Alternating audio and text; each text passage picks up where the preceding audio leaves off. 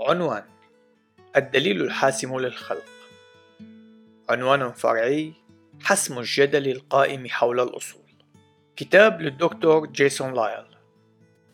الفصل الثاني.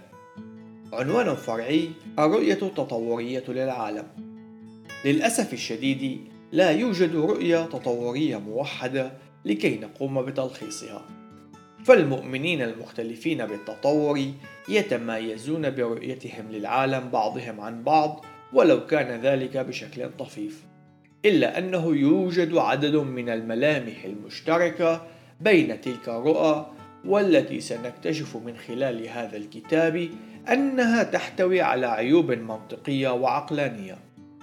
تسنت لي الفرصة خلال مسيرتي العلمية أن أجري حوارات مع عدد لا بأس به من التطوريين كما قد قرأت عددا جيدا من الأبحاث العلمية ذات الأساس التطوري. وبناء على ذلك سأقوم بتلخيص معظم النقاط المشتركة وتجدر الإشارة إلى أنه ليس من الضروري أن يكون جميع الأشخاص المؤمنين بالتطور يؤمنون بجميع هذه النقاط التي سترد تالياً. إلا أن معظمهم يمتلكون تفرعات مشابهة لها. إن التطوريين يرفضون القراءة المنطقية لسفر التكوين، كما أن المعيار الأعلى يختلف من شخص إلى آخر، لكن كل منهم يمتلك معيارا أعلى، وهو الأمر الذي سنراه في الفصل التاسع من الكتاب. في الغالب يكون هذا المعيار هو المذهب الطبيعي، أي أن الطبيعة هي كل ما هو موجود. أو المذهب التجريبي القائم على فكرة أن الحصول على كل المعرفة إنما يتم من خلال التجربة والمعاينة، وكنتيجة لذلك نجد أن عمر الكون هو عدة مليارات من السنوات حيث ابتدأ بالانفجار الكوني العظيم الذي هو توسع سريع للفضاء، الزمن والطاقة من نقطة واحدة بالغة الصغر. ثم بعد ذلك هدأت الطاقة واستقرت لتشكل المادة. والمادة تكثفت لتشكل النجوم والمجرات ثم قامت النجوم بتشكيل العناصر الأثقل التي تكثفت معا لتشكل الكواكب. إن مجموعتنا الشمسية بشكل خاص قد تشكلت قبل أربعة مليار عام ونصف كنتيجة لانهيار سحابة غازية فالنجوم والمجرات والكواكب هي نتاج لعمل قوانين الطبيعة على مدى فترات طويلة جدا من الزمن. وعلى كوكب الأرض تجمعت بعض العناصر الكيميائية بعضها مع بعض مشكلة أول خلية ذاتية الاستنساخ.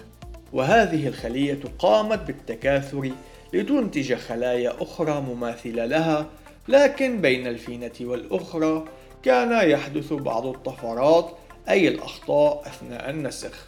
هذا الأمر الذي تسبب بالتنوع.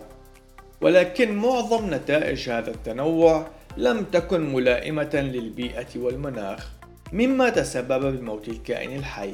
وبالتالي فإن هكذا نوع من الطفرات لم يمرر إلى الأجيال التالية إلا أن بعض الطفرات أتت بنتائج إيجابية للكائن. وهذه الكائنات المحسنة كانت ذات قدرة أعلى على الاستمرار وبالتالي فإنها قامت بتمرير معلوماتها الوراثية إلى نسلها. وبهذه الطريقة يقال بأن الكائنات الحية قد تطورت بشكل تدريجي. الأمر الذي أدى إلى وجود هذا التنوع الهائل من أشكال الحياة التي نعاينها في يومنا هذا. فجميع أشكال الحياة إنما هي نتاج لعمل الطبيعة على مدى فترات طويلة جدا من الزمن. هذا هو المذهب الطبيعي وليس من ضرورة لوجود إله في هذه المعالجة إلا أن بعض التطوريين يؤمنون بالله أو على الأقل يؤمنون بوجود إله من نوع ما. وفقا لما يؤمن به التطوريون لم يحدث أي طوفان عالمي إنما يفترض أن المستحاثات التي نعاينها قد نتجت خلال مئات الملايين من السنوات من خلال عمليات بطيئة وتدريجية. ويميل التطوريون إلى التمسك بمبدأ الوتيرة أو الطبيعة الواحدة وذلك بدرجات متفاوتة. وهي الافتراض القائل بأن المعدلات والعمليات التي تحدث اليوم هي نفسها التي كانت تحدث في الماضي أي أن الحاضر هو المفتاح لفهم الماضي. هذا هو ملخص بسيط للموقف التطوري التقليدي.